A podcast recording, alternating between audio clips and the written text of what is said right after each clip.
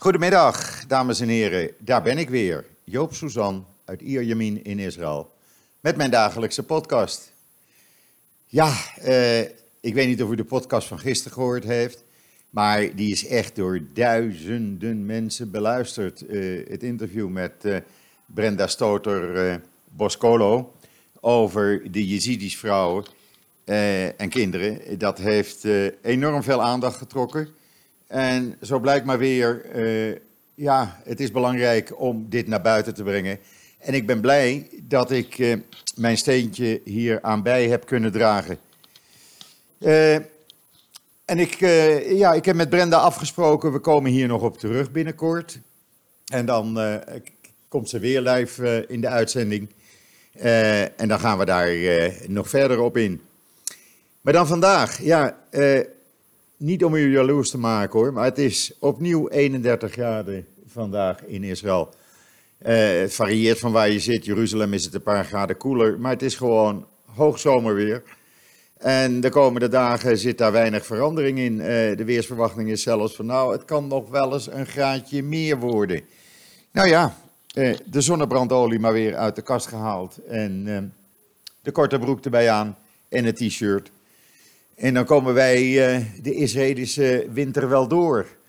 Eh, want ja, dit is de wintertijd eigenlijk. En dan het belangrijkste nieuws in Israël vandaag. Dat is de vraag of de politie bij eh, de verhoren van een van de belangrijkste getuigen in de meest belangrijke zaak, Case 4000, tegen Netanyahu buiten zijn boekje is gegaan. Het blijkt namelijk dat de man onder druk is gezet. Dat is de vroegere assistent en persvoorlichter van Netanyahu, Nir Hefetz. En die schijnt, zegt men, eh, volgens eh, de kranten en de televisie-uitzendingen, eh, behoorlijk onder druk zijn gezet door de politie tijdens de verhoren. De Israëlische Orde van Advocaten roept op eh, tot een onmiddellijk en open onderzoek. Nou, de procureur-generaal heeft gisteravond aangekondigd dat hij daar een onderzoek naar eh, zal doen. eh. En ja, afhankelijk van wat daar uitkomt, dat zou zomaar eens van invloed kunnen zijn op de aanklachten in deze zaak. Want er lopen drie zaken, alleen die andere twee zijn wat minder belangrijk. Er staat eigenlijk ook geen gevangenisstraf op, maar op deze, eh, in case 4000, daar, eh, daar zit een, eh, ja, een fraudekwestie bij. Waar dus een eh, behoorlijk lange gevangenisstraf op zit. En dan moet u denken aan de gevangenisstraf die Olmert heeft gehad, een jaar. Ehm, de voormalige premier. Ehm, hoe is deze man nou bedreigd? Nou, hij is twee weken vastgehouden. Dat is in eerste instantie al heel raar geweest, zegt men nu. En ten tweede heeft hij een paar keer gezegd eh, eh, tegen journalisten: ja, tijdens die verhoren ben ik in de war geraakt door wat, me, eh, wat ik me van de vragen herinner en wat ik me eigenlijk ja, niet goed kon herinneren. Het is allemaal door elkaar gehaald en mijn geheugen is ook niet mijn sterkste punt. Nou, dat doet al twijfels oproepen natuurlijk. Maar toen kwam er dinsdagavond eh, meer naar buiten eigenlijk, gisteravond op televisie. Want Channel 12, die constant met deze transcripties komt van de verhoren van Heffets, hoe ze daaraan komen, vraag het me niet, want ik weet het niet. Ik denk dat een van de, ja, eh, of de advocaten of eh, misschien politieagenten die het er niet mee eens zijn, lekken. In ieder geval, eh, het zijn de originele transcripties en daar staat onder andere in dat een van de politieonderzoekers tegen hem zei: Ik kan je vertellen dat elke hoek die je tijdens je leven probeerde te verbergen, we zullen omdraaien en zullen ontdekken eh, wat je verstopt hebt. En al die films en scenario's die nu door je hoofd stromen, ja, dat is allemaal mogelijk. En het gaat om geld. We weten hoe we met geld moeten omgaan. We weten hoe we je van je bezittingen kunnen bevrijden. Ja, dat, eh, dat imponeerde hem natuurlijk eh, enorm. Eh, want ja, als je niet gewend bent, en, wie is dat nou wel gewend om bij de politie verhoord te, te raken? Eh, ja, dan ga je natuurlijk gauw dingen zeggen die misschien niet waar zijn of verdraaid zijn. Of, men heeft ook nog een, ja, zegt men, onbekende getuige met hem laten confronteren. Die ook allerlei dingen zei. ja, of dat nou een drukmiddel is geweest, niemand die het weet. Het is wel zo. Barak Ravid, een van de vooraanstaande journalisten in Israël, vanmorgen schreef een artikel in de Hebreeuwse kranten. En dat komt straks in, uh, online als we de rubriek Wat schrijven de Hebreeuwse kranten vandaag op JoodsNL zetten. Die schreef vanmorgen van luister, uh, dit zijn dezelfde methodes als die gedaan zijn tijdens de verhoren van getuigen bij de voormalig premier Olmert een aantal jaren geleden. Olmert werd ook beschuldigd van fraude. Zijn voormalige assistente heeft toen ook onder druk eigenlijk allerlei dingen gezet, gezegd waarop hij is veroordeeld. En uh, ja, dat werd toen ook niet in twijfel getrokken. Waarom dat nu weer in dit keer in twijfel wordt getrokken. Er zijn ook allerlei uh, complottheorieën nu in Israël aan, de, aan, aan de gang. Men zegt ja, journalisten die zich aan de kant van Netanyahu bevinden hebben zich altijd afzijdig gehouden van die rechtszaken. Maar die beginnen nu opeens met allerlei uh, complottheorieën te komen en allerlei aannames die niet waar zijn. En die dikken de zaak nog een beetje aan. Dus of het, of het nou een zet is van de advocaten van Netanyahu die bewust deze transcripties laten lekken, of dat het uit de hoek van justitie komt, daar is de goede gemeente nog niet achter. Maar goed, daar komen we wel achter. Dat zal uh, in Israël blijft eigenlijk weinig verborgen. Dus op een gegeven ogenblik zal ook dat aan het daglicht komen. In ieder geval, never a dull moment. En dit zal nog wel even doorgaan. Uh, en dan, ja, jammer. Het is jammer voor de Israëlhaters. Maar Palestijnse en Israëlische brandweerlieden hebben opnieuw samengetraind in Israël, in Rishon LeZion, op het uh, Nationale Brandweercentrum. Eh, de Palestijnse brandweerlieden zijn nieuwe methodes geleerd om branden in uh, auto's aan te pakken, om snel uh, gewonden uit geblokkeerde of uh, ja, in brand staande huizen te evacueren. allerlei nieuwe technieken. Er is ook een, nou, onderhoud geweest, een lang onderhoud eigenlijk, tussen de eh, commandanten van de Israëlische en Palestijnse brandweer. Uh, u kunt het allemaal lezen op joods.nl. Ik vind dit een, een, prima ontwikkeling. Je leeft naast elkaar, je leeft met elkaar. Uh, in 2016, tijdens die grote branden in de Karmel, waren er ook Palestijnse brandweerlieden die de handen uit de mouwen staken en hielpen bij het bestrijden van deze branden. En dat hebben ze ook recentelijk nog in de heuvels rond Jeruzalem gedaan. En dan als u Netflix heeft, en wie heeft dat eigenlijk niet, denk ik. Uh, ik heb hem nog niet gezien, maar er is een nieuwe Netflix-film over een ultra-orthodoxe jongen in Zwitserland die verliefd wordt op een niet-Joods meisje. Nou, ik heb de trailer uh, hebben we op joods.nl gezet. En ik moet zeggen, het is een leuke film. Het is een typisch Joodse film. Uh, ja, een aanrader. Ik, uh, ik hoop hem in het weekend te gaan, uh, te gaan bekijken. Want dat lijkt me wel wat.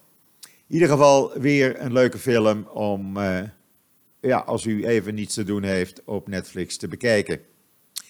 En dan hebben we een artikel op joods.nl over een aantal Israëlische start-ups die door een draai aan hun uh, onderneming te, te geven, succesvol zijn geworden in een totaal ander gebied als waar ze de uh, start-up uh, voor hadden opgestart.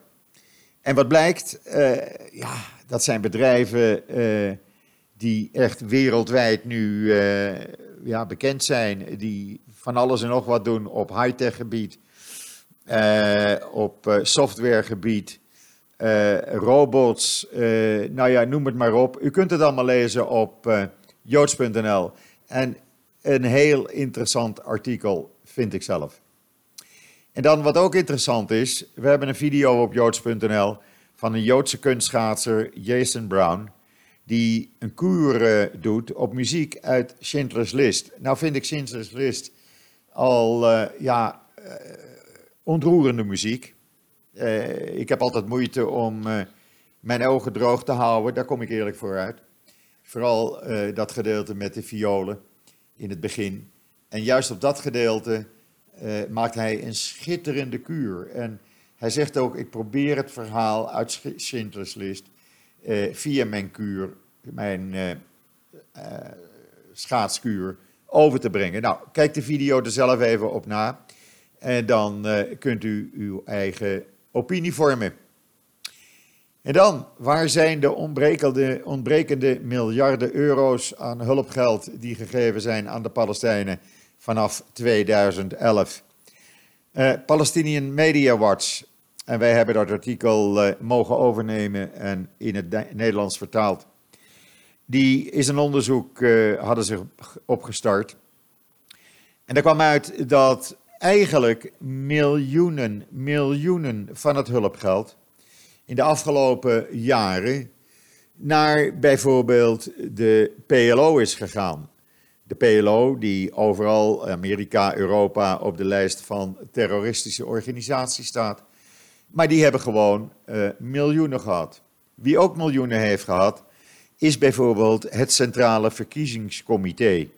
Daar ging maar liefst eh, 29,7 miljoen, miljoen euro naartoe. Terwijl het Palestijnse parlement sinds 2006 niet meer functioneert. Dus dit centrale verkiezingscomité ook sinds 2006 niets meer doet. Maar ze hebben toch bijna 30 miljoen uh, gekregen. Dan is er, uh, uh, ja, dat zei ik al, honderden miljoenen naar de PLO gegaan om terrorisme te financieren. En ook andere terreurorganisaties hebben van meneer Abbas af en toe een aantal miljoenen gekregen. Want ach, eh, sinds 2011 heeft meneer Abbas eh, aan hulpgeld bijna 2 miljard dollar ontvangen. Ja, echt 2 miljard dollar. En wat moet je daarmee? Nou, dat blijkt dus wat hij daarmee doet. Het ging eh, grotendeels op aan eh, zaken ja, uh, die, uh, die niets met de realiteit te doen hebben. Het Palestijnse parlement, sinds 2006 niet meer in functie.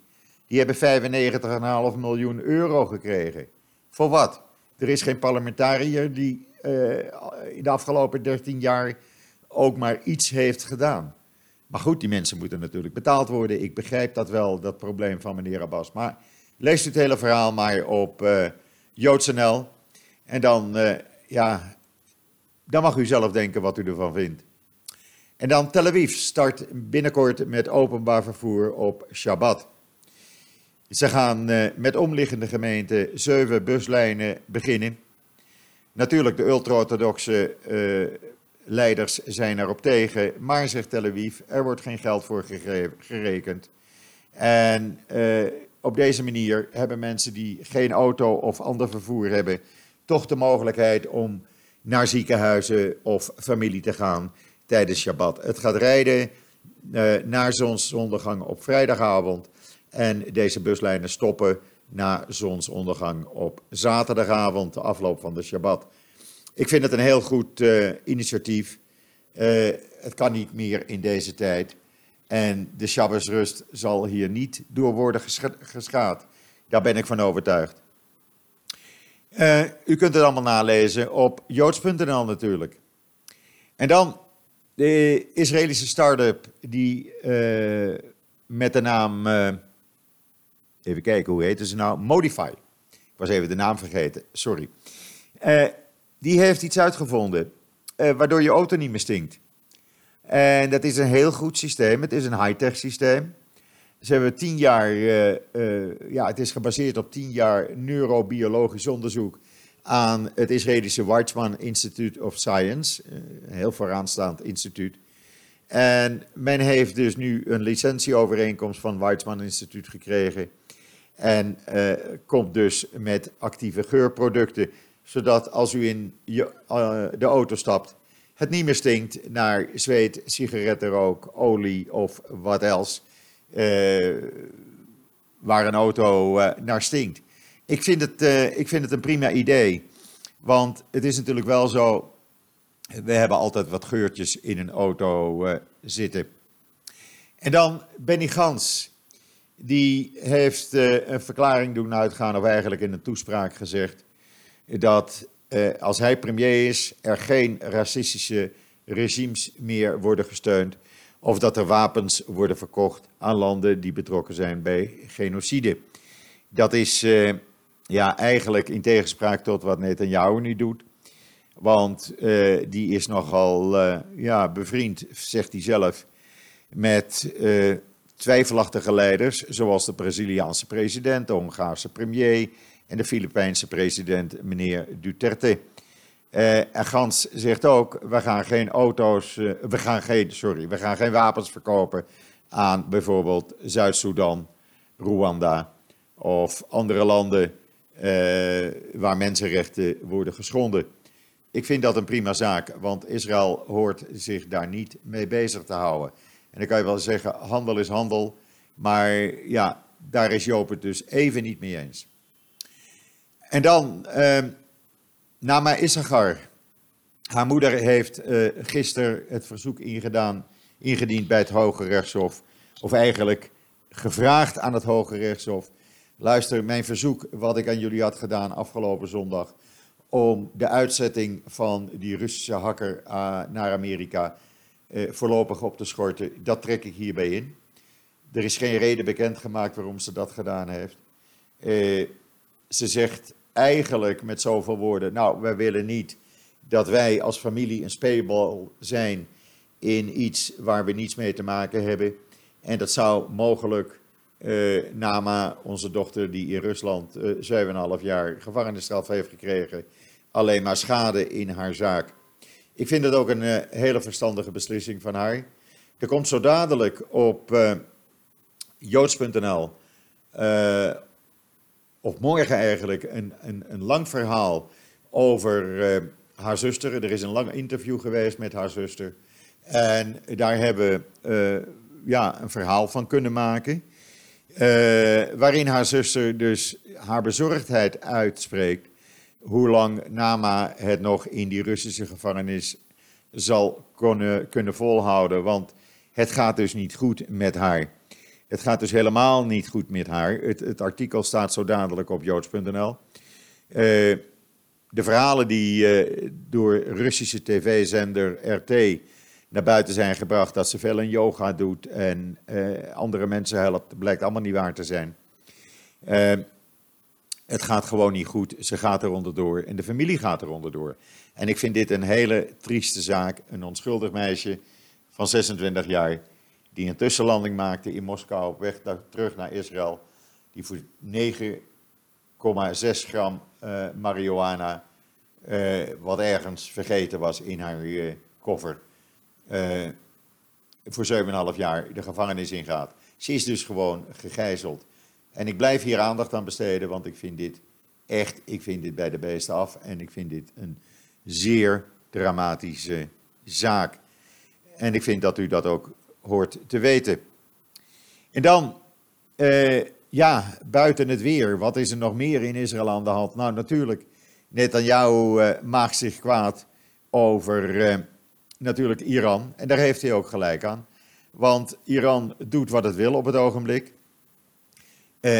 ze houden zich niet aan de Iran-deal. Ze verrijken meer uranium dan is toegestaan. Ze ze hebben vanmorgen weer uh, iets gedaan in een kernreactor waar ze niets mogen doen. Ja, dat gaat niet goed. trouwens, een peiling die hier vanmorgen is geweest, die laat zien dat 39% van de Israëli's vindt dat het aan Netanyahu ligt. dat er nog geen regering is. 19% beschuldigt Benny Gantz hiervan. Maar, maar, zegt die peiling, als er nu rechtstreekse verkiezingen zouden zijn voor premier, dan zou Netanyahu met 46% winnen boven Benny Gantz, die uh, op 3% uh, uh, 43% van de stemmen zou krijgen. Dus ja, ik hoop dat dat nou. Het is een spel wat er gespeeld wordt. Het is een spel om te laten zien wie de sterkste is. We zullen zien hoe, uh, hoe dat afloopt. Benny Gans heeft nog twee, ruim twee weken. Er zijn gesprekken bezig, elke dag. Alleen daar hoor je weinig over, maar ze worden wel gevoerd. Dus ja, iedereen wil toch nu dat Israël eens een keer een regering heeft. Want sinds december verleden jaar is de regering demissionair. Het lijkt verdorie België wel. En dan Rusland, die heeft verleden jaar een uh, nieuwe raket van Israël in de handen kunnen krijgen. Hoe dan? Nou, uh, er werden verleden jaar in de zomer twee David Sling raketten uh, afgevuurd op Syrische doelen, Iraanse doelen eigenlijk in Syrië. Eentje kon door Israël onschadelijk worden gemaakt omdat hij niet ontplofte. En die andere, dat lukte niet om onschadelijk te maken. Die heeft Syrië nu onlangs aan Rusland gegeven. Dat betekent dat Rusland dus precies weet binnenkort hoe het Israëlische luchtverdedigingssysteem in elkaar zit. En dan Hamas, die dreigen maar weer eens een keer, want ja, wat moet je anders? Uh, als Qatar stopt met het maandelijks uitdelen van 30 miljoen dollar, dan zal het geweld enorm toenemen, zegt de Hamas-leiding. Zodat we dat maar weten. Nou ja, goed, uh, blaffende honden bijten niet, zullen we maar zeggen. En dan uh, in Duitsland was weer uh, wat antisemitisme. Drie Duitse tieners die vonden het nodig om na hun bezoek, aan het voormalig concentratiekamp Boegenwald eh, daar hadden ze schijnbaar zoveel inspiratie op gedaan. Dat ze op de terugweg in de bus antisemitische liedjes gingen zingen.